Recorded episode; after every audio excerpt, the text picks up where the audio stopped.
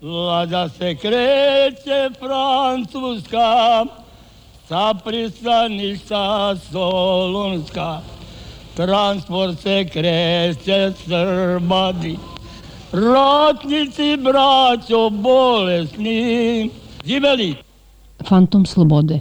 Ako se počelo ratovati, trebalo bići do kraja. Ko pobjedi, nek živi. Što će nama e, Karlovac Virovitica? Mi branimo centar Šumadije. Objavljati jebi ga, ko stane pet Srba, pet jebi ga. Mi moramo jebi ga e, direktno u Beč i u Njemačku jebi ga derat dalje rakete. Mora se ići u rat. Fantom slobode. Ste vi normalni bre, ovdje blokirate hiljadu ljudi. Nego šta ste normalna? Idi peške kao ja što idem peške. Pa idite na dedinje pa tamo štrajkujte, ne ovdje da nije. Idi ti na dedinje, neću da idem na dedinje. Može me metak u glavu, u tome je stvar. On je tamo vodio rat. Uh, on je bio pobjede, brat. Za sroba kid. Uh, Mića. Naš je čovjek taj. Uh, ne mogu više. I mene je čitavog će života proganjati bosanac, bosanac.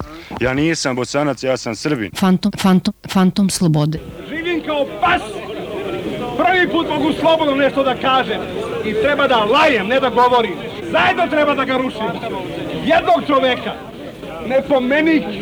Ne želim ime da mu spomenem. Pasoš svoju džep i preko bare.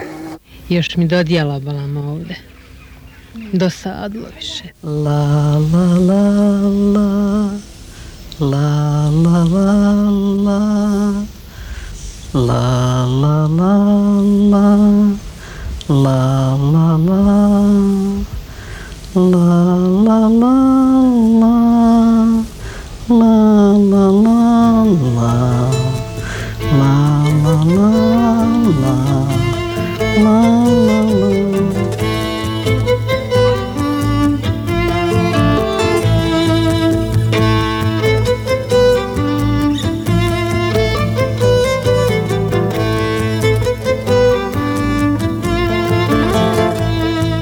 slobode. Dobro jutro poštovani slušalci, 10 sati je i 6 minuta, slušate emisiju Fantom slobode, radio B92. Ove nedelje smo bile u Pirotu iza Sićevačke klisore ispod stare planine. Zaboravljeni Pirot izgleda u stvari kao zaboravljena varoš i tamo se osjećate, i klaustrofobično i zaštićeno. Pirot ima dobar sir, prave ga u selu Topli do, ali niko u Pirotu neće o tome da vam priča. To im izgleda malo ponižavajuće Imaju pirotske čilime, ni o tome nećete pričaju, ni o svom spomeniku, ni u gimnaziji, osim kada pomenu da su tamo predavali Stevan Sremac i Radoje Domanović. Pirot ima hotel Pirot, nema grejanja tople vode samo do 11, ima kafe Nezavisna Srbija, kafe Aleksan, Aleksandar I, imaju puno bicikla, vozi ih onako kao i u Vojvodini, Piroćanci sebe smatruju duhovitim, evo za 1. april tradicionalno su organizovali futbolsku utakmicu Debeli i Mršavi. Podseći da su 76. godine pobedili Nišlije u turniru duhovitosti organizovala Ekspres Politika. Niko u Pirotu nema lepe reči za Niš, naravno. Piroćanci izgledaju, makro su nam izgledali u dva, ta dva dana, koliko smo boravili kao da ih je vreme zaboravilo, kao da su nekako izuzeti iz istorije, a zatvoreni piroćanci čine sve da to preobraze u svoju privilegiju. Oni ne osjećaju ništa loše što žive u zatvorenom svetu, naprotiv, kažnjeni su drugi, oni koji žive u Nišu recimo. A Niš je za piroćance uličenje grada vrednog prezira, tamo žive osujećeni provincijalci koji su napustili nevini i čisti Pirot, a nisu uspeli da dobace ni do Beograda. I sada u Nišu naravno doživljavaju strašne poroze kao što u ostalom i sledi svakom bludnom sinu.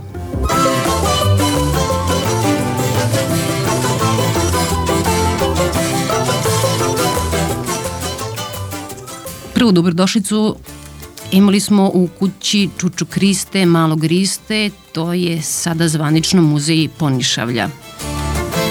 A mali Rista ili Čuču Krista je bio čuveni trgovac. On je jednu kuću dvospratnu napravio još 1848. godine, dakle skoro pre vek i po. Obogatio se trgujući sa Turcima, on je naime imao koncesije da snabdeva tursku vojsku maslom i stokom. Kažu piroćanci da je bio toliko vešt da je dva puta prodavao isto maslo i to Turcima. U kući ima takozvanu nisku sobu u kojoj je primao Turke trgovce koji su svaki put kada ulaze u nisku sobu morali da se sagnu i da se tako pognu pred Čuču Kristom. Kuća ovog slavnog piroćanca je napravljena u orijentalno-balkanskom stilu, kako su nam rekli. Ima razigrani krov sa više voda. Kuća ima žensku i mušku sobu, haremluk i salemluk. A, pomalo je neobično jer je dvospratna kuća, a tada je jedino carigarska porta mogla da dozvoli drugima, to jest podanicima, Srbima, da naprave kuću na sprat. Direktor muzeja Ponišavlja, gospodin Tomislav G. Panajotović, objasnio nam je da je Čuču Krista problem rešio mitom. Ili, kako kažu piroćanci, kakvo pečenje, takvo rešenje. Inače, Pirot je jedan od poslednjih grada u Srbiji koji je oslobođen od Turaka 877. godine. Oko grada zavija put Via Militaris, kojim su se, kako nam je rekao Lola Đunić, pirotski šaljivđija, Tim putem su se derale rimske sandale, turske nanule i nemačke čizme. Ovo nemačke čizme je dodao zato što zvuči zanimljivo, jer Piroćanci nisu imali čas da vide mnogo Nemaca, postoje, kažu, samo jedan i bio je komandant grada, ostalo su bili Bugari. Bugari 30 km daleko od Pirota. I na kraju, evo još jedna priča. Prvi počasni građanin Pirota nije drug Tito, nego izvesni francuski plemić Filip de la Renotier za vreme Srpsko-Bugarskog rata. On se vraćao iz Carigrada, presreduše ga Srbi, Piroćanci, Međutim, kako monsieur de la uh, Renotier nije znao srpski, a Srbi nisu pre toga čuli francuski jezik, uhapsili su ga naši kao bugarskog špijuna, osudili ga na smrt, jedan piroćanac mu oprostio život i za uzor dobio pare. U sledećih sati po jedna priča o Pirotu i četvrtom kilometru.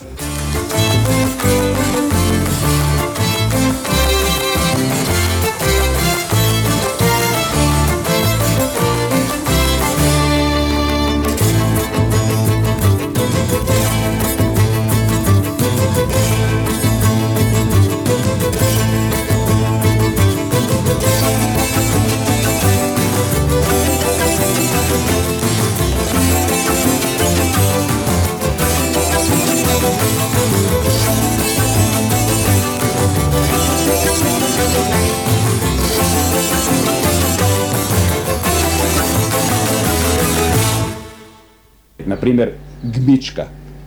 Kada vam uđe nog vode u cipelu, onda se onaj zvuk koji se čuje je, piroćanci kažu, gmička, gmička. A imali smo sreće da je 1965. godine Tito na povratku iz Sofije svratio u Pirot i naši pirotski političari iz bojazni da ih Tito ne pita postoji li biblioteka, narediše da se u dva dvosobna stana iz kafane Solun premesti naša biblioteka. Interesantno je da je Pirot čist grad ovako, hrišćanski, nema uh, nema drugih sada ovaj, naroda, nema muslimana, nema, nema jevreja.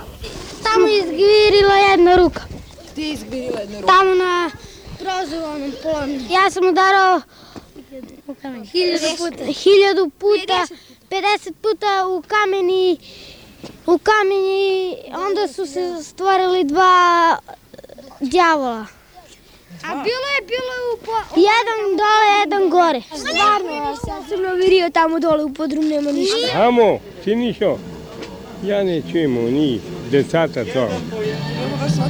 Ne, to mi je deda. On je, ovaj, on je bio kovač, znači on je prva generacija. U stvari pre njega je bio njegov otac, pa je to sa kolena na koleno išlo. Ničimo sekiru. Evo sad počinjamo da radimo, evo, gledajte sad kako radimo. To je bliničevanje sekira sad. Ajde. Karajte lipe naše stare, di smo neka srećni bili i di smo se voleli, očuj me draga ti. Ja se bavim švercom trenutno, inače sam penzioner po prirodi. O, pa bili smo na štrajk. Ali džave kad nas niko ne sluša. Direktor neće. 4-5 dinara plata i ljudi što 5 dinara sam primio platu. To sam ja izjavio. U firmu koje? U prvom maju. Ja sam prodala sad srpsku krunu. I to je otišlo za Beograda, ne znam kome.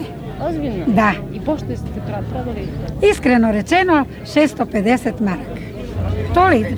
To je kraljičin rukav, ćenar. A ovo je vrško kole, vrško, obično vrško. Ovo je đulove sa kuće. Ima jedni čini sam primetio, nemaju ovo, nemaju, Ćenar ploče imaju, nemaju da. ploču. Sve smo radili, sve možda radimo. Sve što postoji na svetu može da izadkajemo. Što se Da kaže nacrtate sa solovku, na izi, mislim, sa iće, sve može uradimo. I čoveka može uraditi. Fantom slobode. You can never tell what's in a man's mind. And if he's from Harlem, there's no use of even trying. Just like the tide, his mind comes and goes. Like much weather when he'll change. Nobody knows, nobody knows. The man I love, well, he just turned me down. He's a Harlem Brown. Oft times I wish that I were in this ground, six feet underground. He idolized me as no other could, no, no. Then he surprised me, leaving me a note saying he's gone for good. And since my sweetie left me Harlem, well, it ain't the same old place. Sada podržava politiku Zorana Đinđića. On je doveo u Pirot, odnosno dovodio u Pirot na tribine političke i književne i Vido Ognjenović i Desimira Tošića i Borislava Pekića, koga izuzetno voli. Njegov pisac je Danilo Kiš i Franz Kafka. Rečenica kojom, koju stalno ponavlja je strepnja mi je dublja nego nada. Sa tom rečenicom nas je i dočekao i ispratio iz Pirota. Momčilo često opominje Kafku i kao i Kafkin K koji na svoje hapšenje i odvođenje na nepoznato stratište gleda kao na neku lošu pozorišnu predstavu i svoje dželate pita a u kom pozorišnu, pozorišnu predstavi vi igrate, tako i momčilo na Pirot gleda kao na neuspelu scenografiju i kao što K nema odgovor na svoje pitanje u kom pozorištu vi to igrate, jer naravno dželati nikada nisu pripremljeni da budu pitani i zaključuje da jedino što može da učini jeste da do kraja sačuva hladno rasuđivanje, tako i naš momčilo Đurđić ne očekuje odgovore na postavljanje pitanja, od Pirota naravno, od koga drugog, već se trudi da hladno rasuđuje o svemu, samo ne o Pirotu. I sad gledam Bajag u Ljubljani, mogu ti reći da sam, da sam plakao ko kiša čoveče. Sećam se, 75 odem u Sarajevo, u vojnu školu i u prvom polugodištu prvog razda nismo imali ni svečanu uniformu u vojnoj školi, nego smo imali vojničku uniformu. I ja sa Vladom Mihalićem, e, koji je sin Franje Mihalića, našeg čuvenog maratonca, zajedno smo spavali u sobi, on u vojnu školu, odem u Skenderiju na početak promocije, šta bi dao da se na mom mjestu. I sad prikazuju taj koncert. I onda, znaš, ono, znoj me probije, znaš, sve, sve, smrzavam se, noge mi se smrzle, a čelo mi gori, znaš, ono. I ono, zamisli da vidiš sebe, mislim, u Sarajevu. Znaš, ne ulazim u politiku, znaš, to više ne postoji, a postoje, znaš, jednostavno je nešto srušeno. Tako da, sve ovo što sam vidio s Bajagom i sve ovo što sam video ovaj, sa, sa dugmetom što traje ovih dana, to je, mislim, nema to veze s nikakvom nostalgijom. Znači, ja o tome ne mislim. Nije to nešto čega se ti sećaš. Znaš, to je nešto što te udara. Ti ideš i samo to, ono, znaš, kao, kao infarkt kad te udari u pola koraka. To te udara, to te stiže. Ti se čak trudiš da o tome ne misliš. Ti se čak trudiš to da potisneš, da to ono stigne. Udarite. Znaš,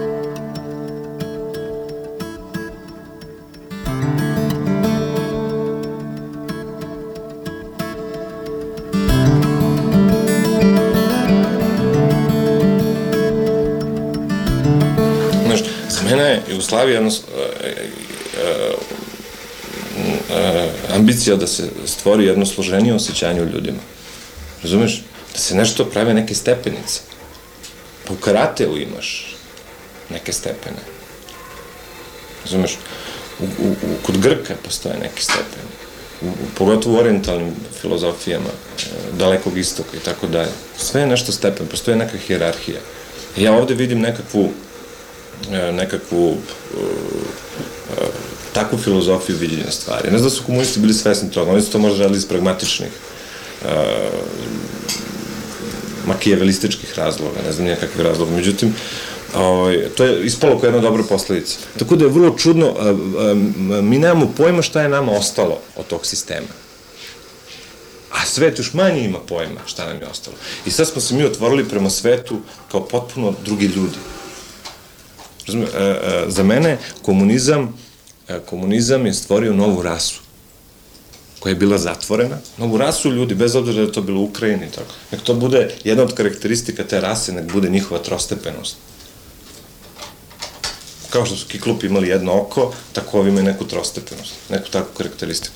I tu više ne postoji Ukrajina, Srbija, Hrvatska, ovo ono, postoje rasa. Ljudi koji su bili toliko godina u tom sistemu.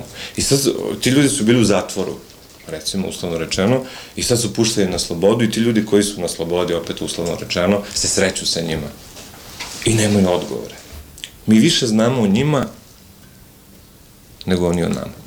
I to je sad, dešavaju se potpuni paradoksi, potpune zamene, uloga i svega. I, i čitav taj galimatijas koji se odvija u svetu, to je to. I, i to je, to je ta a, duboka neravnoteža koja postoji, iz koje proističe strah.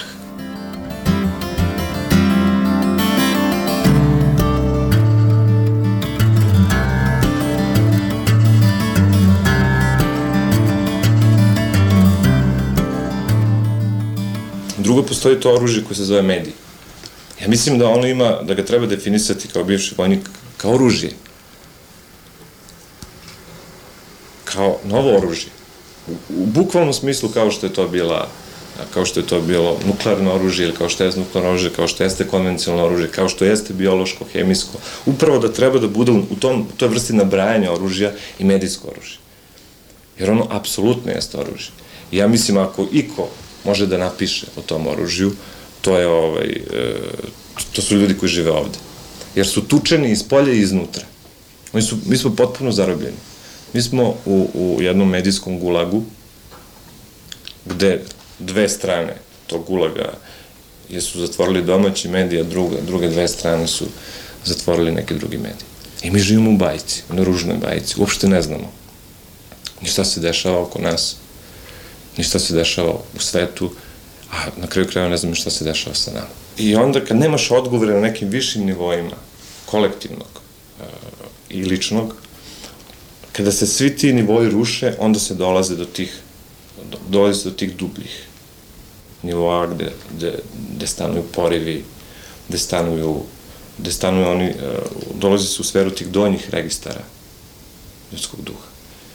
I mislim da samo postoje ljudi koji treba da udare po toj dirci, koji su već udarili po toj dirci, da udare po toj žici i da krenu ti užasavajući zvukovi, da počinu da izlaze napad. I ono što slušamo zadnjih godina, to su ti zvuci. To su zvuci iz Hada. Mi slušamo muziku Hada.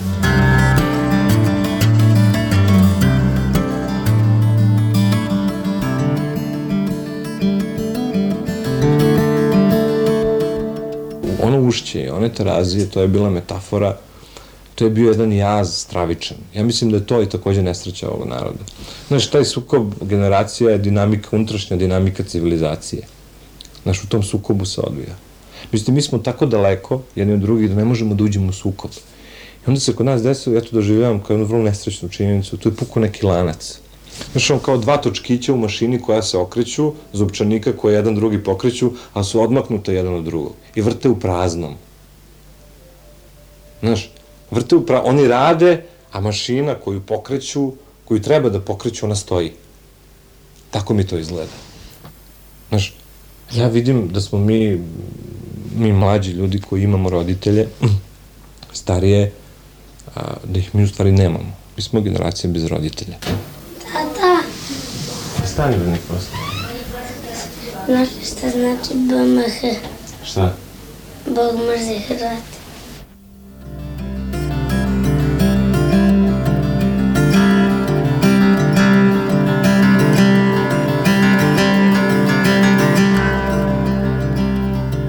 Znaš šta, ja ovde imam porodicu, znaš, i ja sam pre svega preko porodice vezan.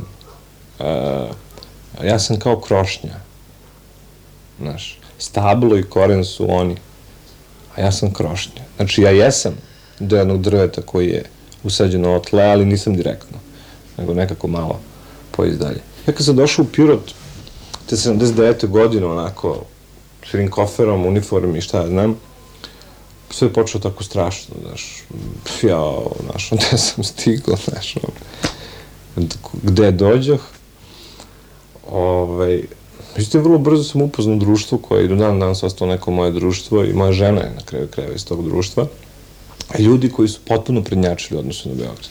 Sam kod ljudi koji slušaju džez, i to neki postmoderni džez, potpuno, koji se bave nekim performansima, potpuno nekim drugim stvarima, koji slušaju neku potpuno drugu muziku, razmišljaju potpuno na drugi način. Ja sam zaprepastan. Taj džez, recimo, u Beogradu počeo slušati nego 82. treće godine. To je ECM džez, Kid Jarrett i kompanije tako dalje. Oni su to već slušali ovde 4-5 godina. I ja se potpuno šokiram. I vrlo sam malo spavao, znaš, onda je, to je bilo divno vreme, jer spavao sam jedno 10-12 sati, 15 sati recimo nedeljno. Pogotovo u ovim letnjim mesecima. Onda je bio greh spavati. Znaš, znaš koji je to deo života kada osjećaš spavanje kao, kao jedno takvo gubljenje vremena da to ne dolazi u obzir. Znaš, kad to svedeš na onu biološku meru da možeš da, da koračaš, da hodeš, da ono, fizički opstaješ. Tako je bilo zanimljivo.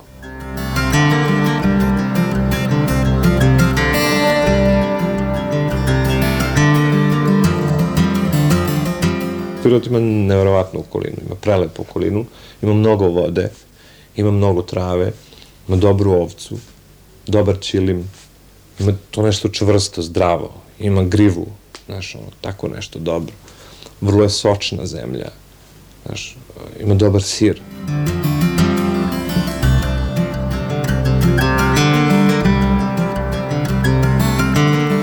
Ja ne znam, ja se bojim ovaj, da, da smo se mi umorili.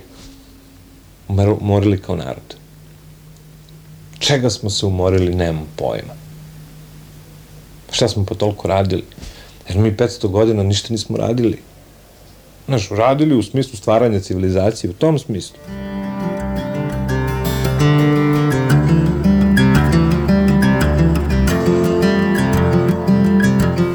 Ne varaju oni nas zato što smo mi glupi, nego nas varaju zato što ne možemo da poverujemo da su toliko bezobrazni.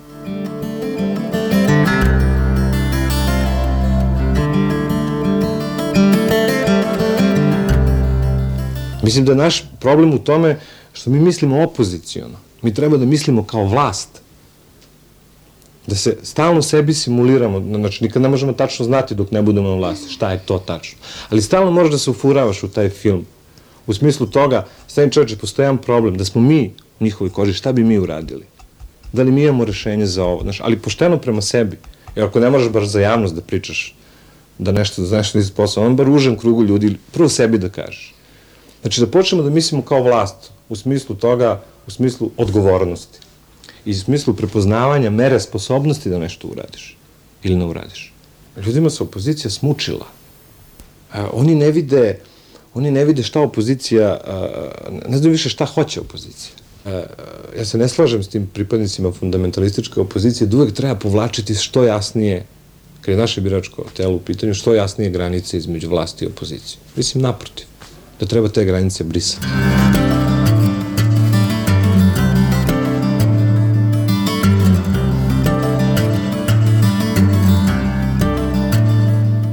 Meni je čerka pre neki dan donela ovde rad, test štampani i tu vidim još uvek gde smo, znaš. I to, je, to meni smeta, to je, to je država, to je nešto zbog čega se bavim politikom. U četvrtom razredu osnovne škole, dajem štampani test i postavim pitanje čime čovek menja svet. I mi smo nešto o tome i ranije razgovarali i on joj kažem, oni su volili to da mi pitaju, znaš, neki klaš klinci postavljaju opšte pitanja pred spavanje, o životu i svetu, o prvom, o preteči, šta je bilo prvo, šta ovo. Prilike smo govorili radom, pre svega, naukom, tehnologijom, umetnošću, kulturom i tako dalje. Ona je to i otprilike napisala. Došla je kući i pokazala mi rad, to je bilo sve precrtano. Prvo me gledala preko što sam je prevario. Znaš. I ja sam onda pogledao za prepašćen i pitao sam je, pa koji je tačan odgovor? I onda mi kaže da je, ta, pošto je to štampani test, on ima tačne odgovore, kao ukrštene reči. Ove, ona mi je rekla da je tačan odgovor na to pitanje čime čovjek menja svet, ljubavlju, hrabrošću i čime još? Dobrotom. I dobrotom i tako dalje. Ja sam se zaprepastio. I sad, deca ufuravaju u taj sistem emocija, taj nekakav romantičarsko, nacionalni, ne znam kakav pristup stvarima. Sve oni formiraju decu koji sutra treba da se uključu u neki svet i da kapiraju taj svet. Pa ta deca će na prvom koraku da se debelo razočaraju. To je jedan detalj. To je, i zbog tog se čovjek bavi politikom. To su neki poriv, to je nešto što te tangira. Nikakve velike stvari, samo bez utopije. Samo bez velikih utopija.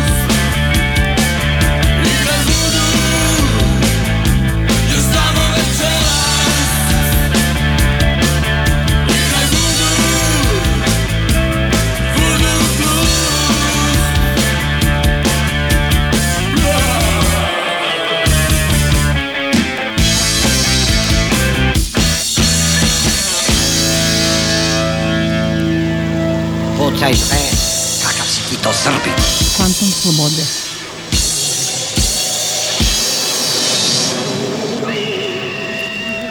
U Pirotu živi i Petar Đorđević, slikar, slikar, profesionalno se bavi slikarstvom od 69. godine.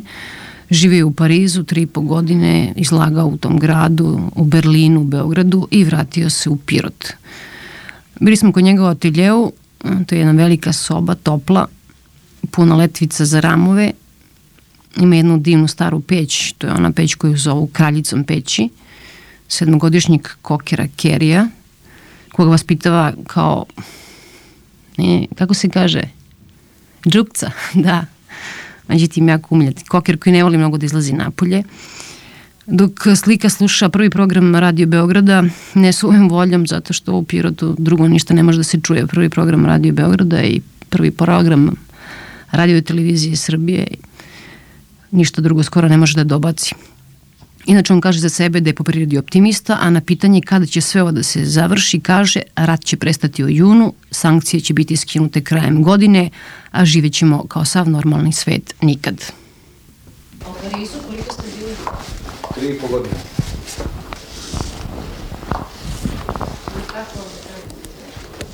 Sjajno. Kao u Parizu. Bilo davno, 75. godine sam se vratio.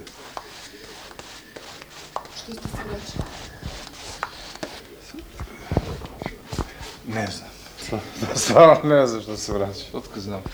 Ja sam tad kao mlad čovjek, mlad slikar mislio da treba da to što ja radim, da radim u svojoj zemlji. Posle su počeli da ovaj, se pojavljuju neki patrioti, mnogo kasnije. A ja su taj patriotizam ne razumem i dan danas.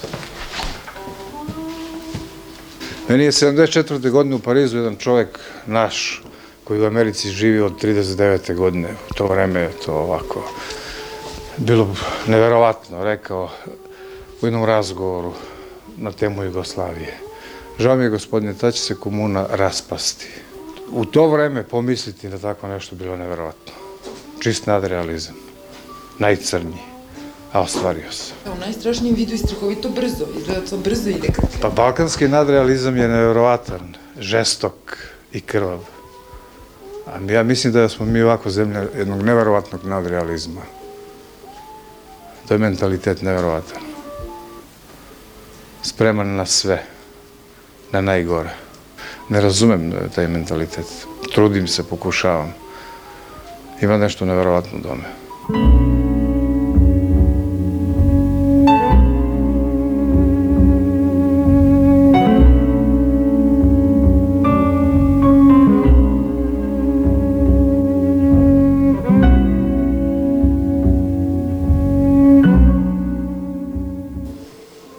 Taj dan pamtim kad je bombardovano Sarajevo.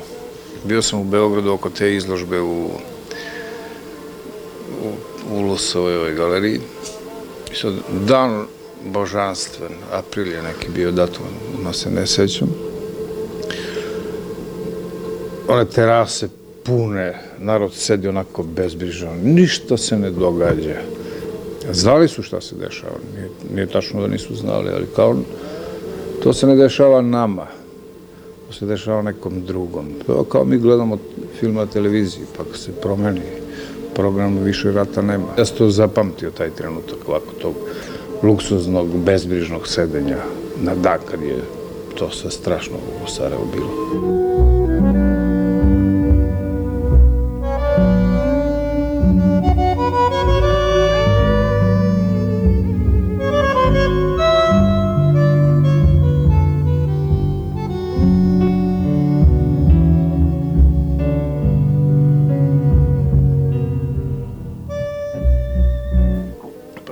Slika živa, potpuno živa jedna stvar. što Filmađije prave filmove, njihove slike su pokretne, slikar ne pravi pokretnu sliku, ali uvek ima neku želju da ta slika na neki način se pokrene. Čudom to osjeća, ja znam da to nije moguće, ali ja kao slikar imam tu jednostavno potrebu da te slike Ali očekujete od ove mlade žene da se okrene. Ta mlada žena je odavno otišla. da, ako mislite na ovu sliku, Da, da. to je 76. godine, to je skoro će 20 godina. Verovatno ovaj, to u oku posmatrača izaziva neki takav osjećaj, da je moguće okrenuti se u, u suprotnu stranu.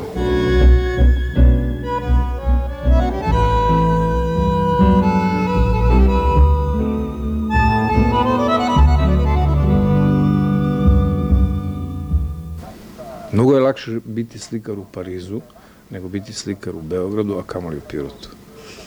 To vam ja kažem iz ličnog iskustva. Tamo ste na udaru, tamo ste u situaciji da e, to što radite ljudi vide, to se ozbiljno shvata. Kad napravite izložbu u Parizu, to nešto znači. Kad napravite još jednu, to znači još više.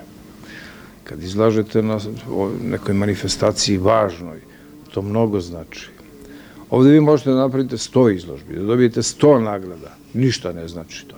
Apsolutno to ništa ne znači. To je tako.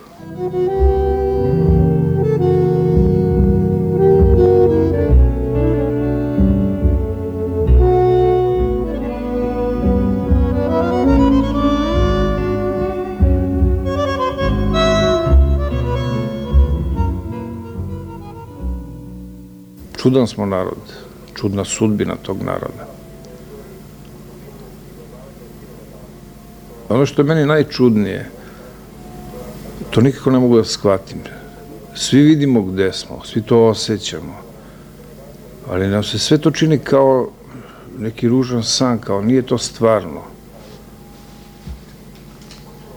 Ipak postoji nešto što je bolje od toga i to smo mi i to je neka naša situacija. Nije ona stvarno takva kakva jeste, ona je bolja, možda mi ne vidimo. To je taj neki osjećaj nevjerovatan.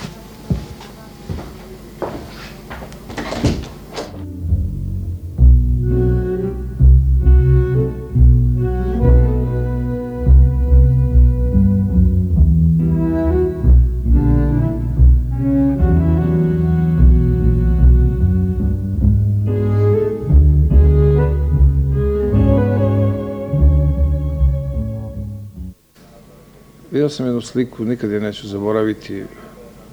To je meni kao slikaru verovatno bilo zanimljivo. U jednom hotelu u Prijepolju, jesenas. Tamo je bilo dosta izbeglica. Dan sjajan, jesenji, topao, sunčan. Pejzaži krasni. A ti ljudi sede u nije to hol, ja ne znam šta je to u hotelu, neki prolaz i tu je neki televizijski ekran. I svi ovako nešto, kao zevaju u taj ekran, a ko zna gde su njihove misli i čitav dan provode u tom sedenju, ne radeći ništa, jednostavno su nesposobni da se, da se pokrenu. Na izgled ništa, ovako jedan prizor, jednostavno ljudi sede, gledaju u televizijski ekran, ali oni to rade čitavog dana iz dana u dan, od jutra do večeri. Žene nešto kao ne, rade nešto rukama, ili muškarci zeve ovako, sedi, puši, zeva onaj ekran. Sada su potpuno odsutni, izgubljeni, apsolutno. Na hiljade takvih.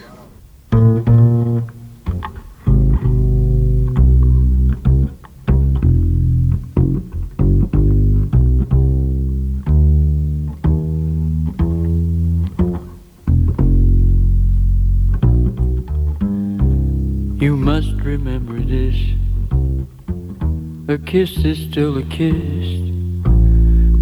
A sigh is just a sigh. The fundamental things apply as time goes by.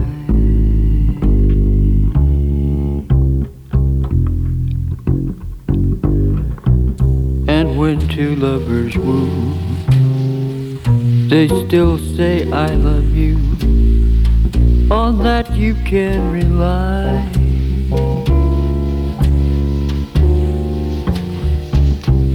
No matter what the future brings, as time goes by.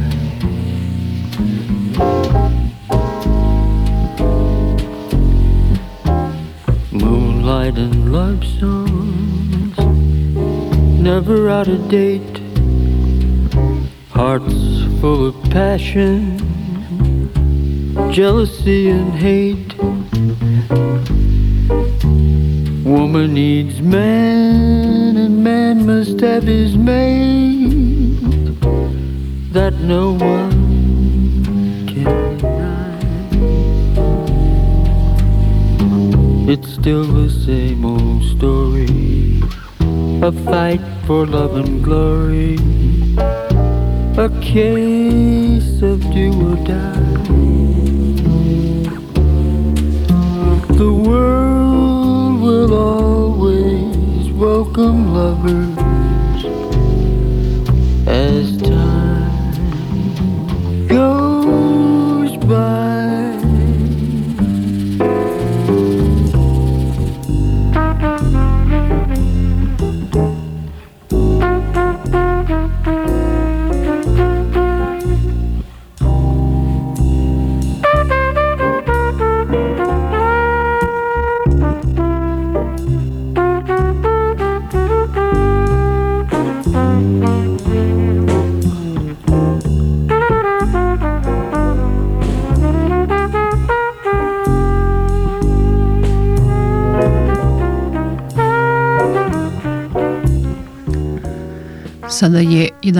minuta do 11 sati. Slušate emisiju Fantom Slobode radija B92. Danas vam pričamo priču iz Pirota, a većina piroćanaca hoće da vas uveri da žive u nekoj vrsti produženog detinstva. Sviđa im se da sa vremenom u kojem žive imaju zaobilazne veze, sviđa im se većini da budu zatvoreni, sviđa im se na neki način što proleće stiže dve nedelje kasnije nego u Beogradu recimo, makar tako kažu. Ne vole da pričaju o štrajku 4000 radnika Pirotskog 1. maja. A mi smo slučajno saznali da na mestu koje se zove četvrti kilometar živi već tri godine stotinak izbeglica još iz Hrvatsko-Srpskog rata ili Srpsko-Hrvatskog rata. Iz Pakraca recimo, ali ima tamo ljudi iz Zenice, Visokog Sarajeva. Oni žive u bivšem radničkom naselju, tačnije barakama, 4 km od centra Pirota, tačnije iznad Pirota. Oni su potpuno zaboravljeni od piroćanaca i većina piroćanaca se, kad ih pitate za četvrti kilometar, obično kažu, a šta, oni su još uvek tu. Oni sede gore na klupama ispred baraka, bledi su ničevi, tako su i nas dočekali. Ne pričaju mnogo između sebe, čekaju dnevnik, vesti iz Ženeve iz Beograda, gaje luk i salatu, čekaju da im iz Pirota donesu hranu, pirinači špageti najčešće, hrane tri psa lutalice, u grad redko silaze, nemaju ni obućeni odeće, većina nosi i sečene gumene čizme, plastične papuče za plažu ili opanke vrcane. Uskoro će se roditi jedna beba. Jeste li svi iz Bosne ili ima nekoga iz Hrvatske? Ja sam iz Hrvatske. Kad ste stigli? 91. Jeste sami? Imam mater tu sa sebom. Jeste se vraćali malo na ratište ili ste... Sad sam došao 15. Dakle ste vi došli? Od Pakraca. Eto tako, živim. Šta ćemo? Porušili su sve. I sad kuću s nama ne znam. Mi naj, ja bi najbolje volao svoj rodni kraj, makar je porušeno, a sad kuće s nama, da li će nas pustiti ili neće, kako će, šta će. To je ipak već previše. A šta možemo, moramo čekat dok se sudbina nekak ne riješi. Tak mora biti.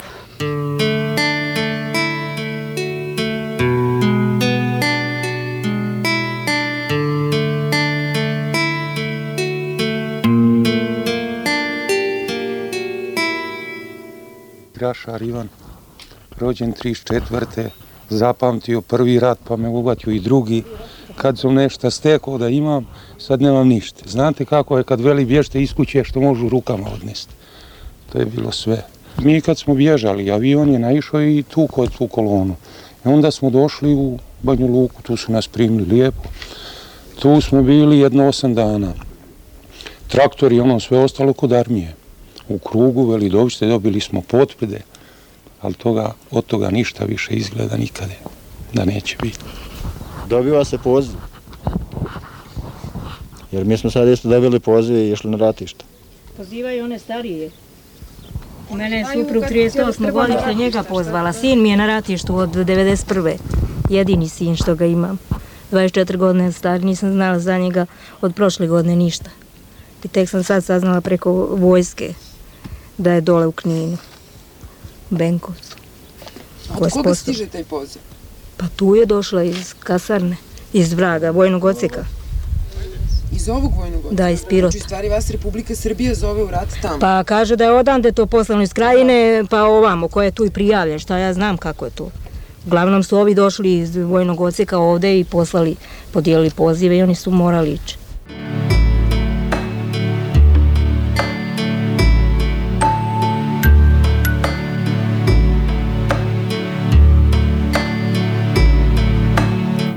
Ne trebaju nas više nigde, ni u Srbiji, ni tam, ni nigde. Da, da, šta da radimo? Djeca su tamo. Sin, sin je na prvoj liniji stalno, još od početka. Kosovo ne A Snaja je tako. S njim Bolje što ima malo dete. nas kolje, ako nije zaklo prvi, 91. da sad nas kolje, nećemo tamo ići. Neće biti par godina. Ili ako nas rastave, onda idemo. Ako ne budemo skupa, ako budemo skupa, onda nikako. Ne s njima ništa više. Nemamo s njima veze više. S kime? Pa sa Tuđmanom. On bi nas tamo odmah... nado, brzo kuć kad su potpisali sporazum. Ako nas rastave, onda idemo. Ako nas ne budu rastavili, nećemo ići. A bako, jeste to mislili od ovog rata ili vam se činilo i pre rata da je teško živjeti sa Hrvatima? Pa nije bilo lošo do sada, ali sad, zašto nas išli oni Zašto nas išli? Da. tako maltretirali pomalo. Mi smo bili sami, Srbi, u jednom selu. A sam komšije smo tamo, me, međaši s njima. Jel? I sad da se mu sastanu, koliko naše selo sve opljačkano i nema ni jedne kuće u selu. Pa gdje se to more gledati? Jel se to more gledati? Ne može, nikako, nikako. Nema ni jedne kuće. To je jedan zlikovački narod i s njima se ne može. Nisu oni kao mi, mi praštamo, ali oni, Bože, sačuvaj. Kod njih deca toliki zna da mrzi. A kod nas to nije tako, mi smo taki i zato taki prolazimo. Već uvek smo trebali milo za drago raditi. Pa kako oni nas, tako i mi njih. Već mi sve njima oprostimo i bratstvo i jedinstvo, a to je sve bilo lažno. Sve lažno. I, i sada ne verujem Tuđmanu ni toliko, sve će on ovo da prekrši i nikomu ništa neće. Njem niko ništa neće, jer naši se ne znaju za to da bore. Šta? Pa ja verujem u njega, on koliko može samo. Ne može ni on preko njih. Danas nije čio prin, pa gdje bili.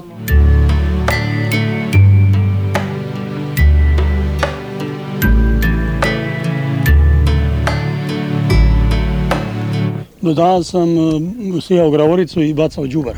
Koliko vam plati? Jedan dinar, Po danu? jest. I peške dole i peške natrag. Niko te ne gleda kada je ta izbeglica. Ta izbeglica kaže šta je on došao tu, što treba on tu, Nama, mi, mi smetamo tu što smo. A zašto smetamo, ja ne znam. Mi nismo ovde došli što smo mi željeli, nego što moramo. Ako su moji preci tamo žive 400 godina i sada Tuđman istera, a ja da idem na Kosovo. E, mamicom u njegovu ja na Kosovo nikad neću da mi da 100 kuća na Kosovo ne idem. Ja idem tamo gde sam, gde sam se ja rodio i gde su moji premci. 38. se godine rodio.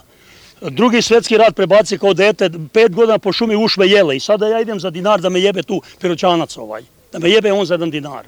E, bem ti sunce i život. Ja sam radio 20 hektara zemlje, pa sam imao ja i traktor, imao sam sve. Pa sad sam došao tu, sad sam postao tu da me trka kako hoće. Gledaj, sad mi kažu piroćana što nosimo panke piroćanke.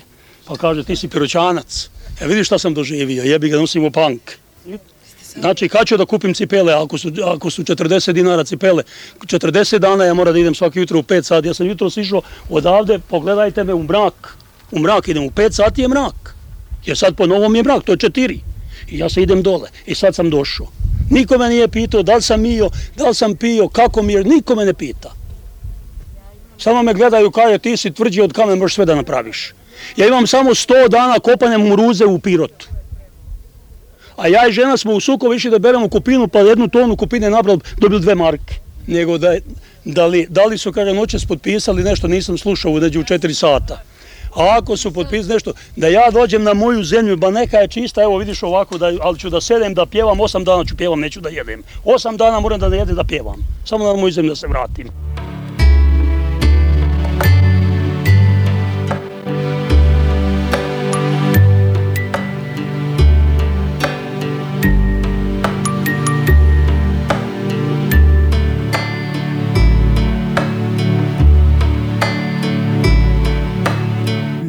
Na Drinču pre.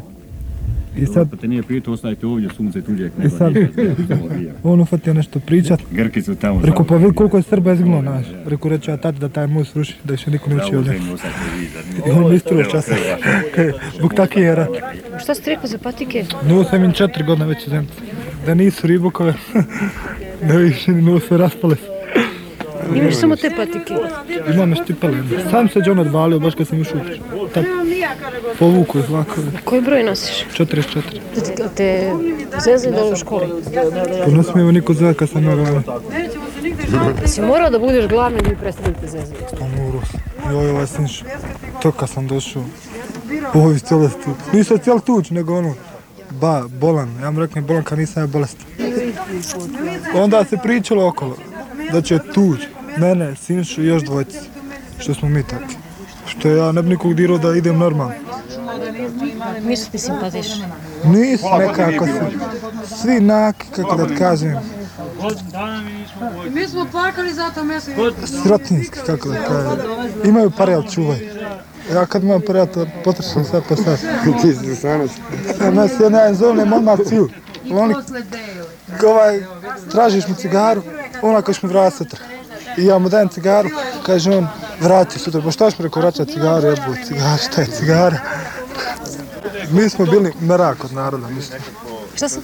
Merak od naroda, ono, dijelo se sve. I bilo ono fino, svima. Bio sam kod tetke u Obrenovcu, u Beogradu. I kod nje kad sam bio, je gore već drugčije. Na, kad sam došao prvi put, jedna komšinica, baš jedna fata, muslimanka u Beogradu, počela donesti kolače, preko taj izgled, pobjegao šta. Ona kaže, kak si prošao ovdje, ono, rekao, sve je bilo vrijeme, sad ću. Gore je ljepše, ja. Nisi mogu da ostaneš. E, govorila mi je tetka da idem u školu. I pošto nas je bilo 20 kod tetke, u dvosobnom stanu, stvarno to je već bilo previše i mi se kuda koji milimo. Tražili smo uh, kod Valjeva, kako se zove, Dičibar. I kada ne može, hoćete na Kosovo ili Pirot? Ja govorim, mam, nećemo nigdje kojem se vratiti u Bosnu. Kaže ona, nećemo, idemo u Pirot. I došao sam ona. Igrate basket, neki futbol ovdje. A igramo gore stalno. Ja, košarku i futbal. Dolaze ovi iz Berilovca ovo dole. Ti onim Do duše, svi su kako kaže cigan. Pa smo složili nekako sa njima i on se već drugčiji.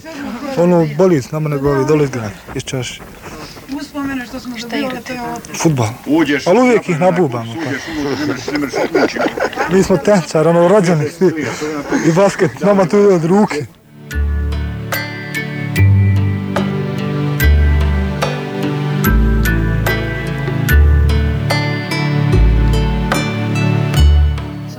Ćeš se tamo. Da se baš da ne zovu dezerteru. Mislim, tako si mlad. Ma, što ja mogu. Ma zovu se mene ovom Sinišu. I njegove tata pogledam se. Baš u pokrac. I on. Nego zovu. oni idu kod njih. I on je stalno baš regretovan bio. On je išao bilo. Od dvojice. Šta mislite kad će vas pozvati E, rekao su sada u junu, devetom mjesecu. Rekao sam u Han Pjesak, jel u Banja Luku, jel u... Dobro, ne znam, tamo nego u Bosni, uglavnom. Ti kao da jedva čekaš da... E, ja jedva čekam Labi. Ja više ne mogu odgledat koliko sam već godinu dana u Srbiji. Moram se vratiti, nema drugi. Moram dati na drugu. Da bude drugo bilo drugo. Na Drelsti. Raja. Pa vrkst. Šta si ti najviše Volio. Ipak to je neki pritisak. Volio sam bilo dugme zabranjeno pušenje i orkestar. Plan. Nisam volio. Koje ti je najmiljene pesme? Kad bude moj razgovor emitovali tvoj da ti pa pustim jednu pesmu. E, e, ona, kako je, noćas kolubelca, pun mjesec nad Bosni. To, e, to je, to je najbolja pjesma. Noćas je pun mjesec ko nekad moja bivša draga I moja duša noćas pokucat će na tvoja vrata. Stavi posilka pod jastuke Moja duša da te lakše pronađe. Noćas je ko lubenica pun mjesec iznad posljedka mi nismo mogli zajedno. A teško nam je razdvojeno Tanka je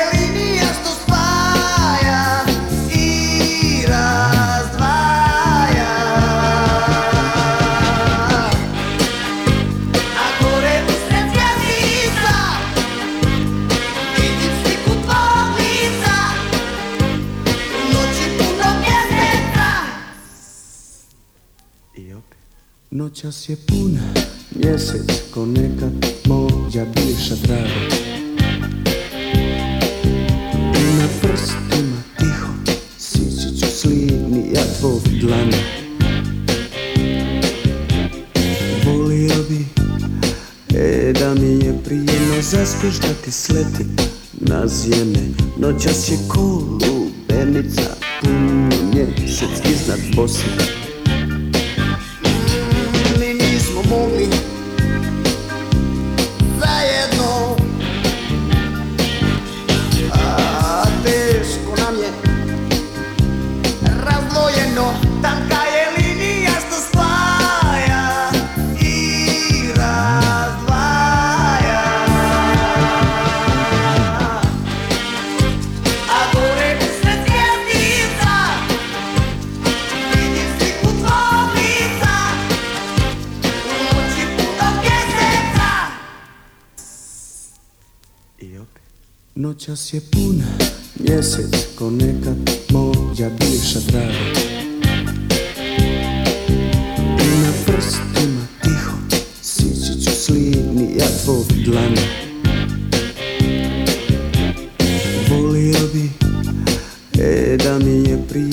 zaspiš da ti sletim na zjene Noćas je ko lubenica pun mjesec iznad Bosne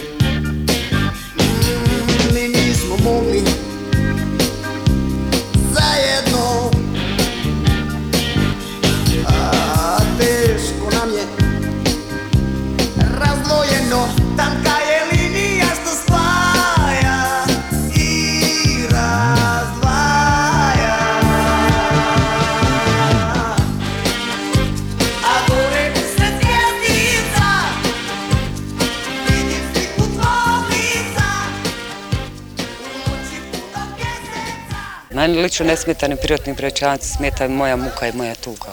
Oni ne smetaju ništa. A ko drži visoko? Muslimani isto. To je isto. Ste sami ovdje? Nisam s porodicom, imam djecu, dvoje djece.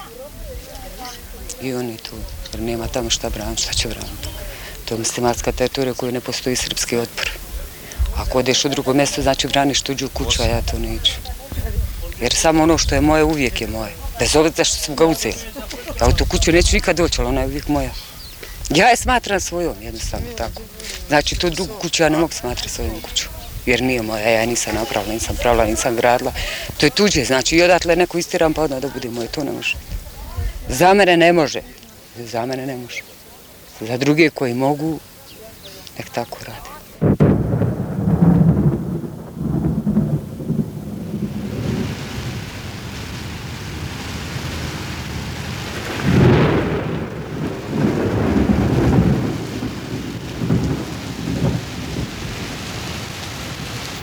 Meni niko ne može odrediti gdje ću ja živjeti. Ja ne smatram da je to ljudski da me odredi gdje ću živjeti. Ja mogu živjeti tamo gdje ću se ja uklapati u sredinu. Jer ne može se jedan pirot okrenuti meni, već ja pirot, valjda, stavnicima pirota. Ja se trebam s njima uklapati, a ne on sa mnom. To je suludo. Znači, samo tamo gdje se ja mogu uklopiti djeca. Posebno djeca. Za mene je to normalno možda. Ja tako razmišljam, ne moraju drugi razmišljati.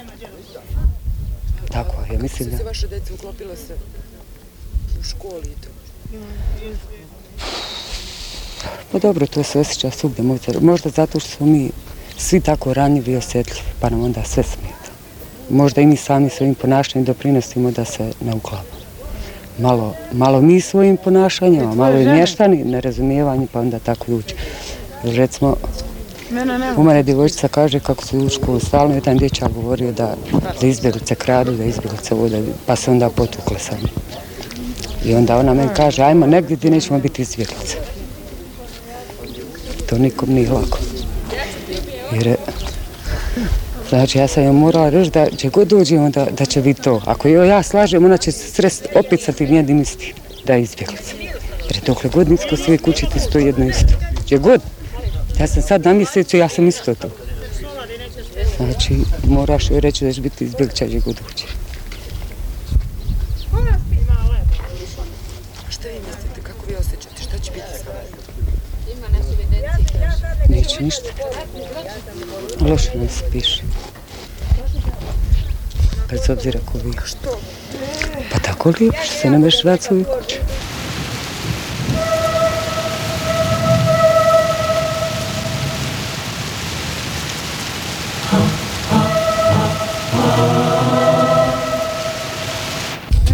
Teško je čekati, recimo mi čekamo ko će nam donijeti hranu i kad će doći. Čekaš kad ćete ko grijati, 21. januar nismo imali grijanje. Znači ja opet od nekog, ne ja, ja kad kažem ja onda imam od sto ljudi za sobom. I pred sobom i za sobom. Znači mi to sve čekamo i kad ćete ko grijati, kad ćete ko šta dati, kad ćete dijete ko obući, kad ćete lijek donijeti, kad ćete... Ja sam neki dan odlaz, nisam imala djetu plati injekcije, ne injekcije, nego ampiciline poslije toga. Znači ako imaš plati, ako nemaš umri.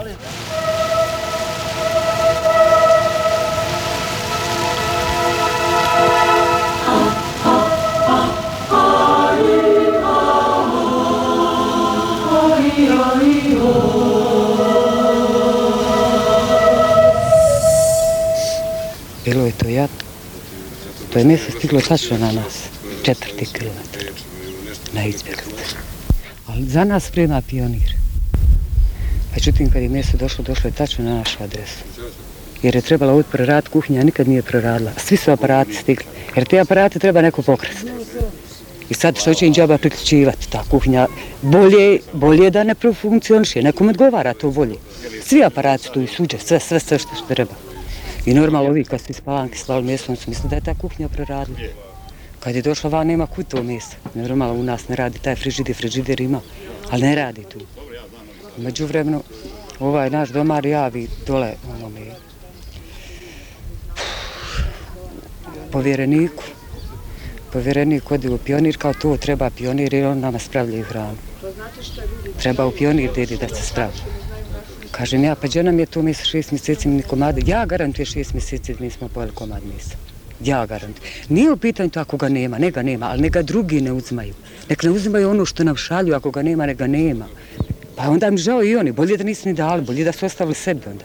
Jer to nije stiglo ni nama, a taj neko se napatio i namučio, jer da će opis siroma siromahu, onaj što ima, neće da...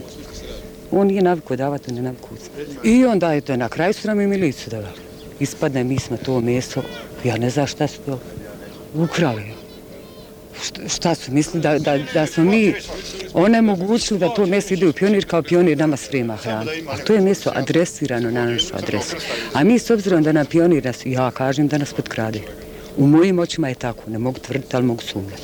Dolazi taj Đoko, taj povjerenik, slušajte, kaže to je, javili su iz komisarijata da to mora ići u pionir taj pionir vama sprema. Ne damo im mjesto jer pionir nas potkrada, mi hoćemo da ga podijelimo između osta, to je naše mjesto.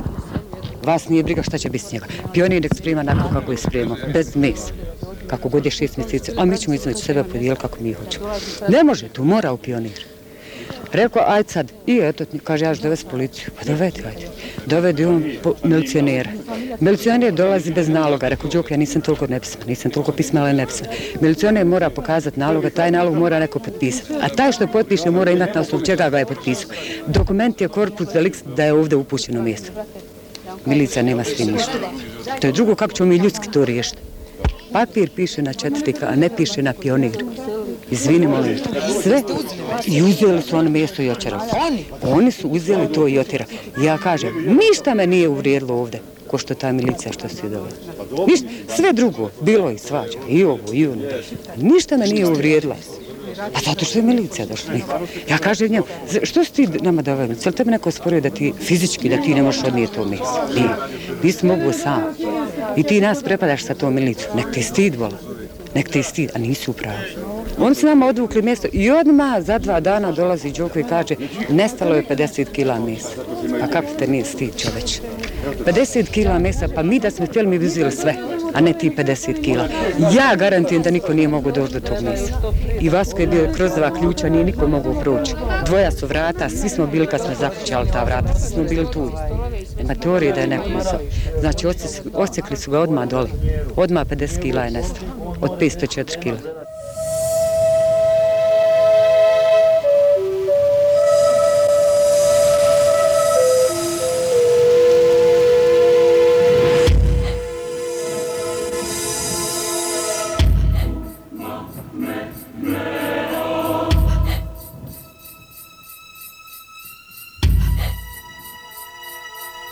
Mi stanemo ovdje, drugi pričaju kako nam je.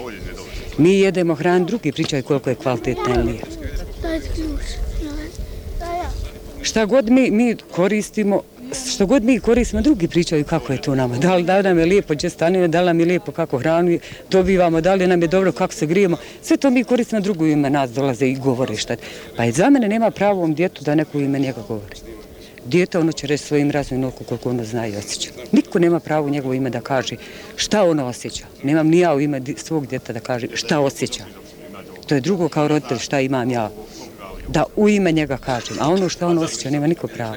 Možeš ti reći djetu da, da mi je to kad nije to. I tako i sad. 21. januara se hoće zgrijati. 21. januara. Ubijanje nije samo pušku. Ubijanje ima na razne razne načine. Nije samo puška. Ja se uvijek kajem.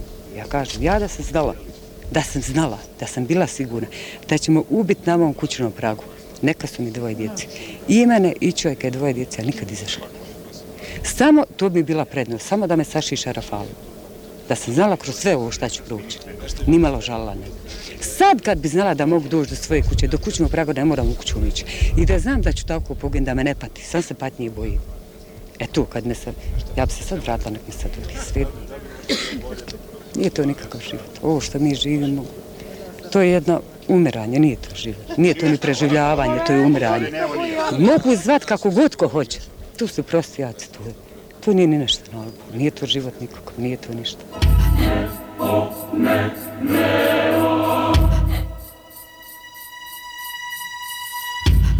Mene znate na što liči?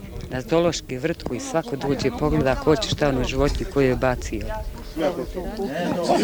Doručak, ručak već dolazi kad ko hoće. Ko pašćat ketima kad će ko donijeti. Gdje to ima? Pa neke tu po sata tolerancije, ne može se sve u sekundu, ja se slažem s tim. A zar ne može biti ručak od pola dva do dva? U nas su djeca više gladna nego sitna.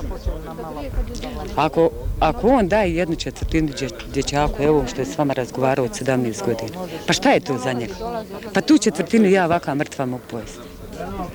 I ako ti još usto nemaš kvalitetnu hranu, šta ti ta četvrtina znači? Ništa. Isto kad pođu, kad pođu u školu u 7 sati, pa nema i komada hljeba pojesti. Djeca u osnovnoj školi dobivaju neke sandviče, ali ovi srednjoškolci, on do pola tri do kuće ne dođe, nema ništa pojesti. Kakav je to đak? O čemu taj đak može razmišljati? Kako je gladan? Izutra kad kreni dok ne dođe iz škole i dok se ne vrati, mislit će samo komandu hljeba. Mislim da nije ljudski, jer se, ako ništa drugo, to brašna ima. A ako išta drugo, garantiram da brašna ima. Da se bar toj djeci može dati više, više hljeba.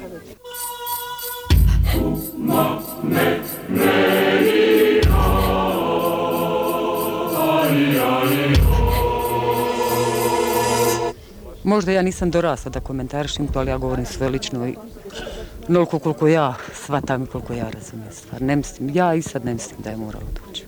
Niko me nije mogu upijeta. Sad je teško i sad, ja vjerujem da sad ne može. Jer ako je nekom poginuo sin, recimo ja imam istog rođaka od tetke sina, njegova su dva sina, poginula više i nema. Jel taj čovjek može gledati, pa za njega nije bitno da li je musliman ovolišni ili ovolišni ili je starac, on bio u stanju sad ga zaklati. On je izgubio oba dvoje djece u ratu. I to zna sigurno da je od muslimanske. Sad njega ne interesuje ni politika, ni Karadžić, ni Alija, ni niko. Za njega je on prvo muslimansko dijete koje bi sreo, on bi ga raščerećio i razgulio. To je to, oni su to uvukli, zatrovali, političari i zdravo. Nima šta. Ja sad vjerujem da ne može, ali da i prije nije moglo, pa dobro, to se vidjelo da se pripremio teren za to. Jer ako on čitav dan laj sa televizije kakvi su Srbi, kako su muslimani, kako su Hrvati, ja lično smatram da nije trebalo doći, da je moglo da ne doći, da su samo političari napuckali narod da narod nije bio tako. Jer ja sam u muslimanskoj sredini rođena, išla u školu, zaposlila se i otišla odatle. I 22 godine radila u proizvodnji, gdje je 90% muslimanske narode. Družila se s njima. Sad to ispadne kao nismo se poznavali. Nije, nego smo i bili drugačiji. Mislim da običan narod, nevezan sa političarima, to su meni najodvratniji gadovi, bez obzira koje, ja i ne volim. Te političari, bez obzira koliko je ko pravo. Onako, to je meni jedan sloj koji ja otkačivam i koji su nesrećili sva tri naroda. I da nas ima još 50 naroda, ja mislim da bi na ovom jednom prostoru da bi bili u stanju svi da nesreći.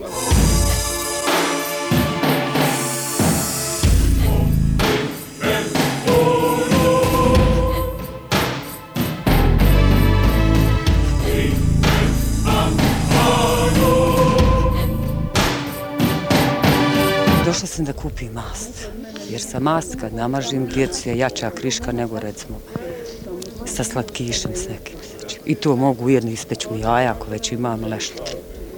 I on meni kaže, donijela par. Onako je drsko. Mene je to uvrijedilo. I ja sam šutla, žena mi je stvarno fina, ona ode donese mast. E sad i on malo ko smirio se, počeo, valjda i takve narav, počeo lijepo sa mnom da priča.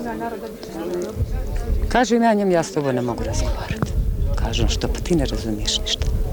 Čovječe Boži, kad bi ja sad, ja sam srpkinja, istirala smo muslimane, kad, kad bi ja sad srela jednu muslimanku, izbjeglicu u Srbiji, koju su istirali Srbi, ja bi se sa njom bolje sporazumila i razumila nego s tobom. Ti to ne razumiješ. Bez obzira što su oni istirali mene, a moji istirali nju. Kad bi se nas dvije strele, da se nikad nismo moći, ako se ne bolje sporazumile, ja reko ne mogu s tobom pričati, ti ne razumiješ ništa. Samo džava zamaram tebe i sebe. A ja ću ti ovo plat i doviđenja.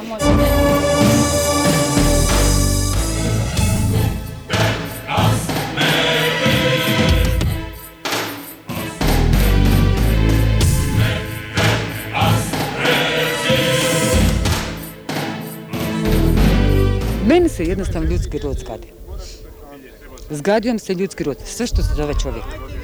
Možda ne vi kao jedinka da kažem, nego ljudski rod. Ja jednostavno volim svaku životinju više nego čovjeka. Kad sam vidjela sve što se radi, kad stanemo rame uz rame, Karadžićev sin, Karadžićeva mira i ja, e onda ćemo ići brati Srpsku republiku. A gospođa sa šeširom, njegova, što nije na četvrtom, njegova šćirka, kako moja što je.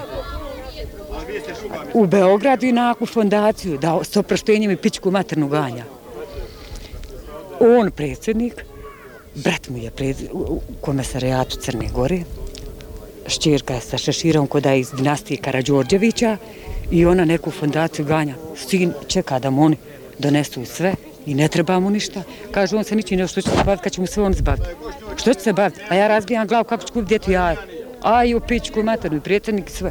Bože, sad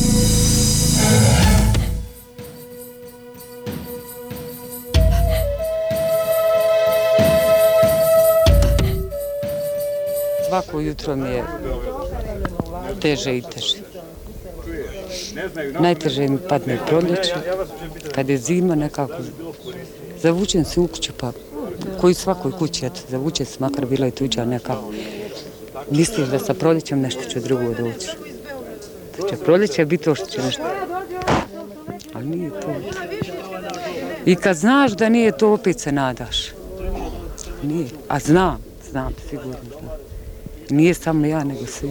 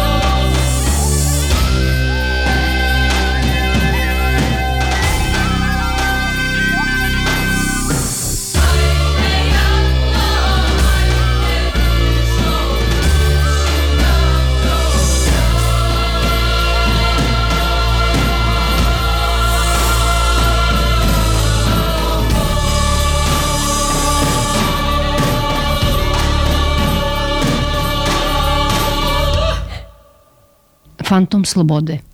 Načakaj pomladi,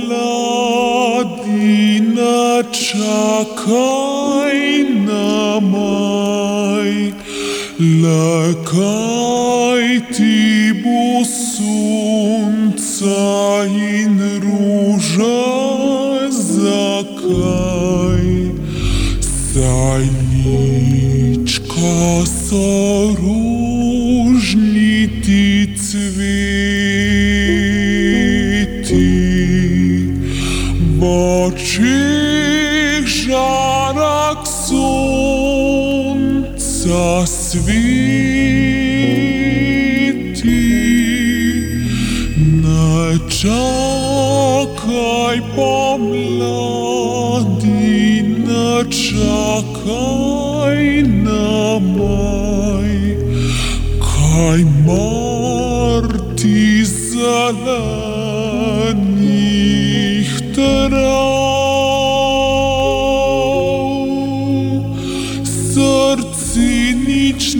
Čaka, bije tik taka,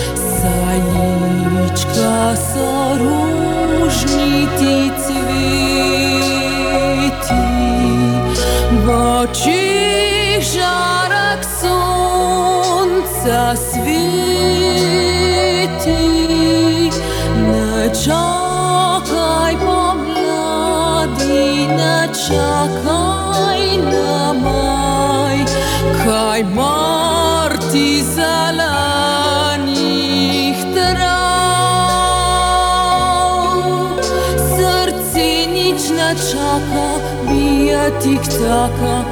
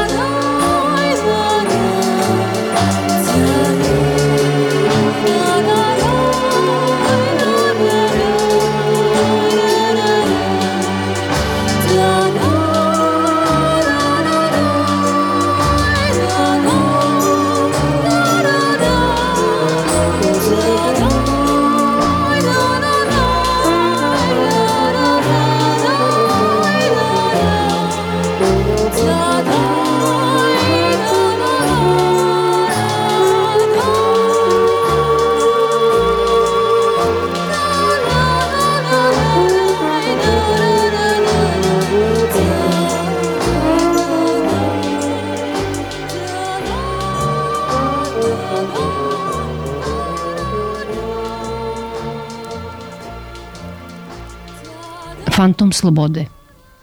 Sada je pola 12, slušate emisiju Fantom Slobode, radija B92. Do malo čas slušali priču izbeglica koje već drugu ili treću godinu žive na četvrtom kilometru uh, u brakama koje su na četvrtom kilometru od Piruta. To su ljudi pre svega iz Pakraca, Zenice, Visokog i Sarajeva. A u samom gradu uh, žive i Aleksandar Lazarević, on je prvi profesionalni glumac u Pirotu, diplomirao u Novom Sadu u klasi profesora Petra Banićevića. Nedavno se vratio u Tursku zabit, kako sam kaže. Saša je igrao Trepljeva u, u i sa tom predstavom je otišao na gostovanje u ukrajinski grad Užgorod i tamo je upoznao Tanju Dzembas. Tanja od pre 14 dana živi u Pirotu. Pa do septembra ću sigurno biti ovde. U ovoj turskoj zabiti. Da su Turci zadnji otišli odavde i to se osjeća kad se dođe ovde, vidi se da je drugčiji grad i da su drugčiji ljudi. Pa umeđu vremena, eto, pokušat ću nešto i u Pirotu da što se tiče kulture, koliko znam, koliko umem, da prenesem u te ljude. Će ići jako teško. Kako kažu, niko nije bio prorok u svom selu, pa verovatno tako ne može ni ovde. Ljudi me ne shvataju baš sasvim ozbiljno, a i ne interesuje kultura. A imam prilike, pošto sam dole isto u Užicu radio na jednom privatnom radiju, imam prilike da i ovde prisustujem stvaranju jednog privatnog radija. I moja ideja je da baš ljude naučim da govore. Znaš kako, ovde je problem govora, koji, šta to znači, specifičan jezik jeste, pirotski, i ne treba ga zaboraviti, ne znam, poseban, ima posebni izraz, ima bogatstvo izraza, ali svi ljudi koji odlaze na fakultete, baš o njima mogu da govorim, odlaze na fakultete sa svojim naglaskom, sa svojim narečem, imaju problema, jer u prvom ili drugom kontaktu sa ljudima iz drugih krajeva ili iz Beograda osjećaju su ugroženi jer ne umiju da govore kako oni govore. I onda ćute. Onda jednostavno ćute i možda bi imali nešto da kažu, oni ne kažu zbog toga što ne znaju da govore i oni se ovi smeju. Pa kako se kaže ovo kod vas, pa kako se kaže ovo kod vas. E onda šta se dešava? Dešava se da se oni zatvaraju u takozvane pirotske lobije, ne znam, u Studenjaku ili bilo gde i tu se druže piroćanci između sebe, tu imaju svoje žurke i onda od Beograda ne vide ništa, ono što treba da vide, a opet što se tiče kulture, ili bioskopa, ili pozorišta, ili koncerta, oni ne izlaze nigde, nego su u svojim sobama. Redki su ljudi koji su nešto naučili u Beogradu i posle 4-5 godina kad se vrate ovde, ništa nisu uradili sa sobom, stali su tamo gde su već bili.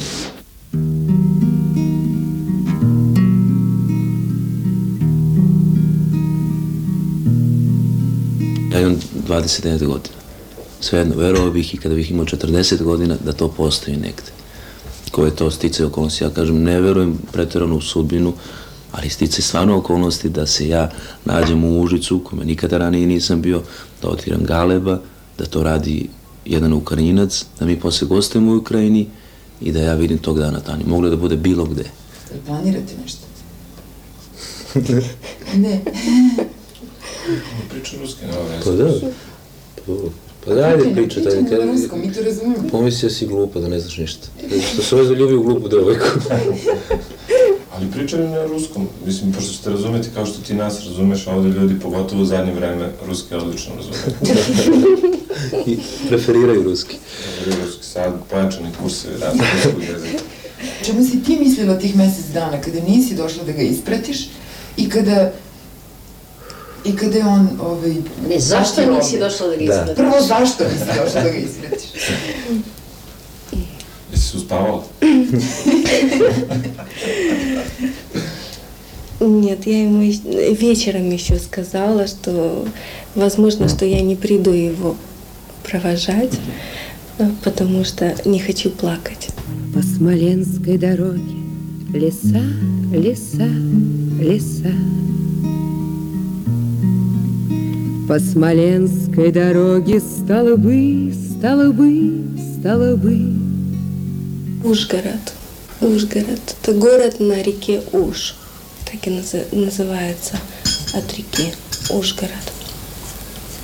Небольшой город, красивый. Красивый город. Приятный такой, маленький, ста- старинный. Это история его давняя, и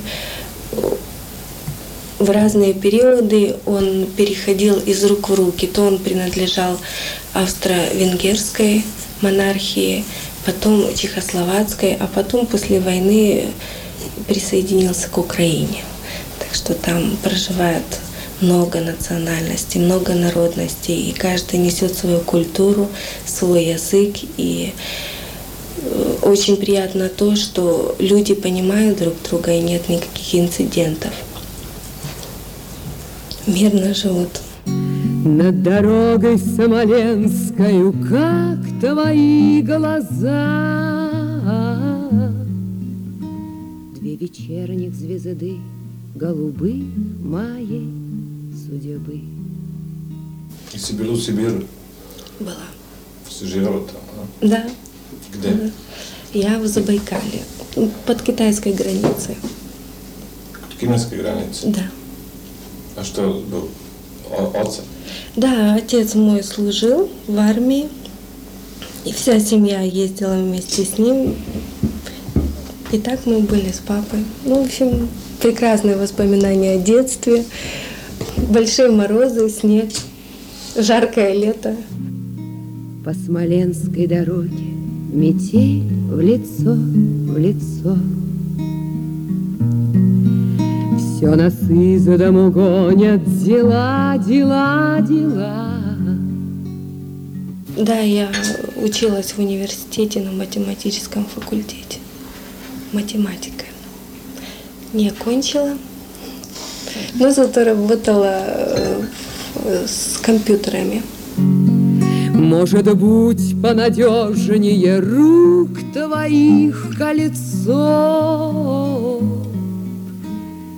Покороче бы, наверное, дорога мне легла. Нас всех с детства воспитывали, что моя родина Советский Союз. Нас всех так воспитали. Конечно, каждый знал, откуда он.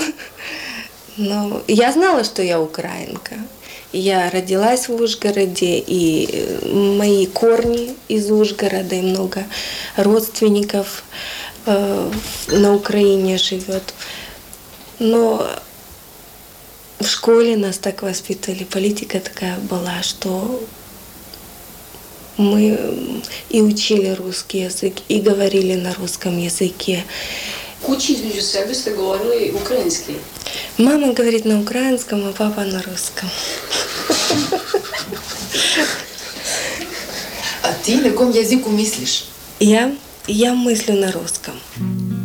Может быть, понадежнее рук твоих колецо.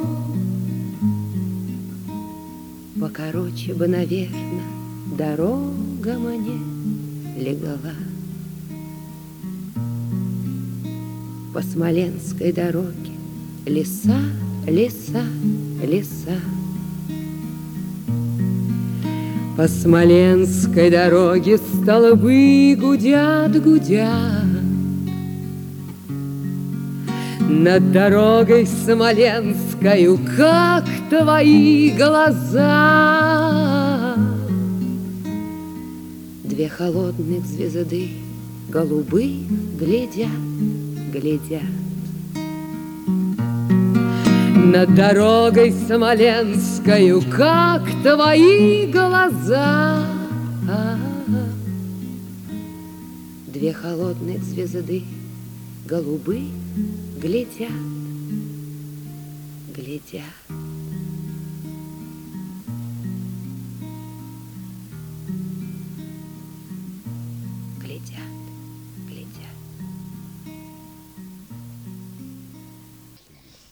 Се дозива kad uzmete dva ista kamena i udarite hiljadu puta, on će da se stvori. I ne i čudi, on će da, i on će da se stvori i pita i pitaćete neku želju koju hoćeš.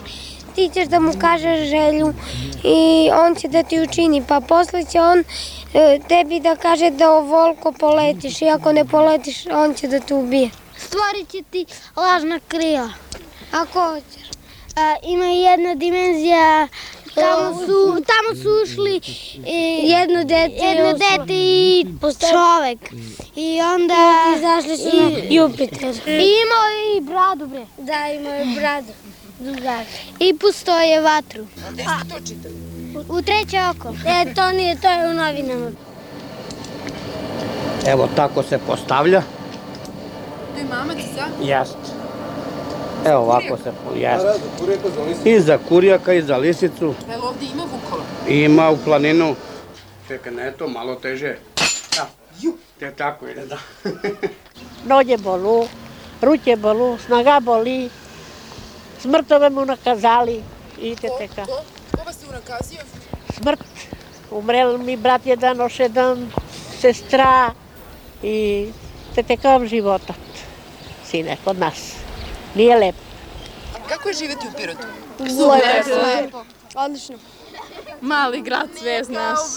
Na primjer, ne može se izađe, sve su betoni, ivičnjaci, nigde ne može se izađe ovde, sve trava, lepo. Super je kod nas imali vlade, lepo cvećem. Drvećem. Lepo.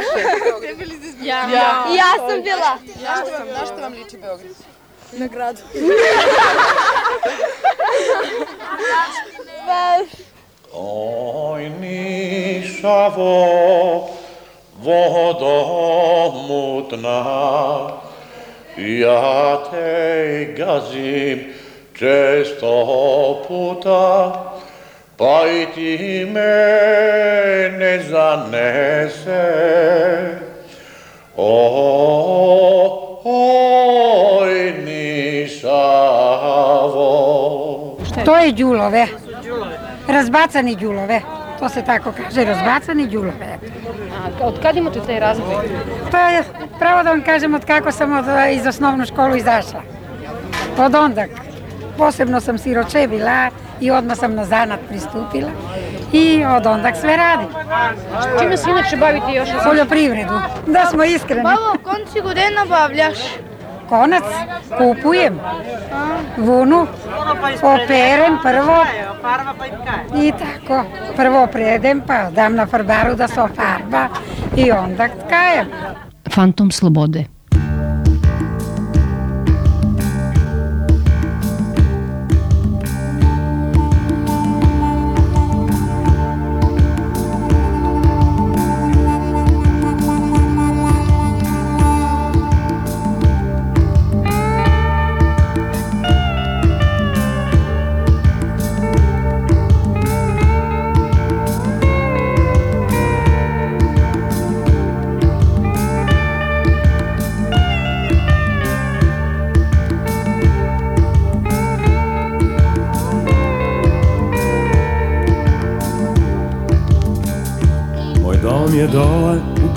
U predgrađu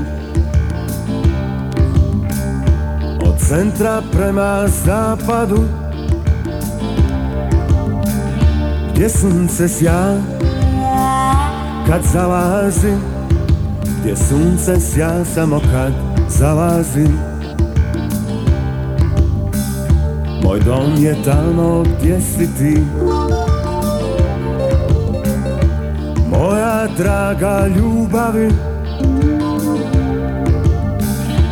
dom je tamo Tamo gdje sam ja. Takva je moja sudbina. Na mojoj kući tri parole Hoćemo živi ovi dole. A na fasadi Odmah iznad vrata rupe od metka iz prošlog rata. O, o, o, Tu ne može ništa niti Bog.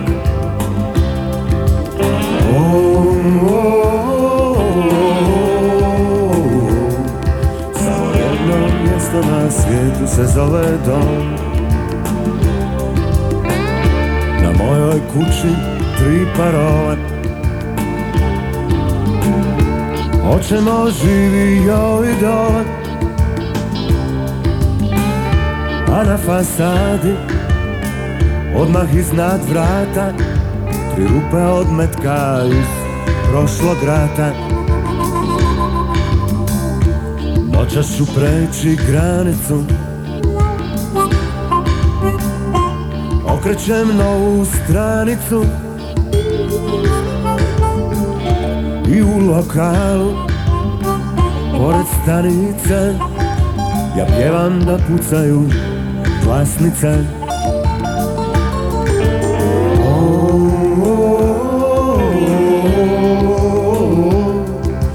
Ne može ništa niti Bog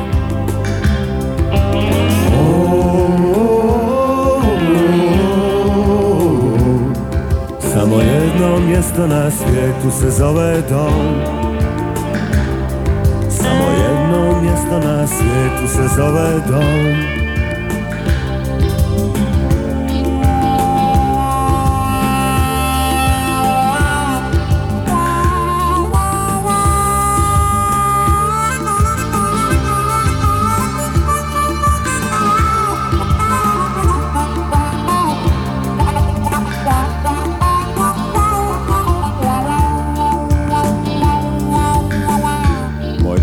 dole u predgrađu. Od centra prema zapadu Gdje sunce sja kad zalazi Gdje sunce sja samo kad zalazi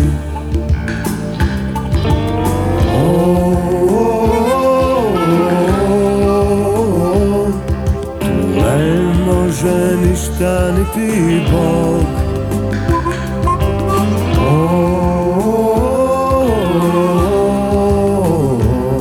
Samo jedno mjesto na svijetu se zove dom.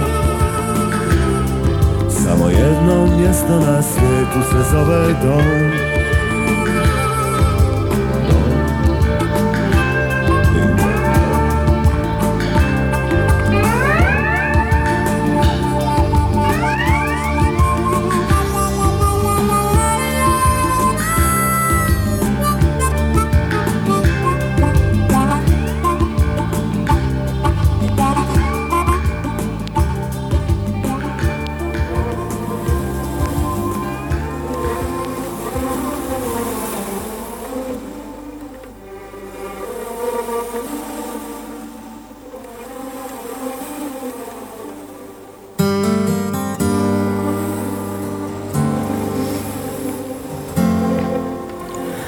minuta do 12 sati, vi ste slušali emisiju Fantom Slobode radija B92.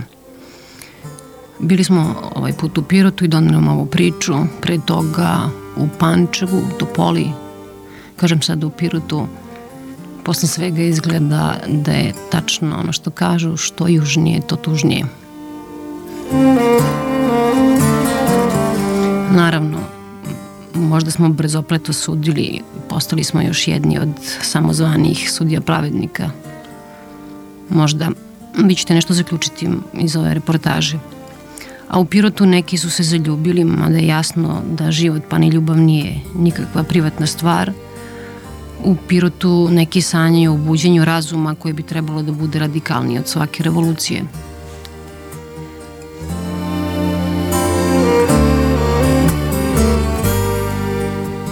U Pirotu su neki sedeli pred nama kao neotkrivene filmske zvezde, pričali nam priče i viceve o Pirotu, o tome da piroćanci nisu cicije, da nemaju zmiče u džep, već da čuvaju bele pare za crne dne.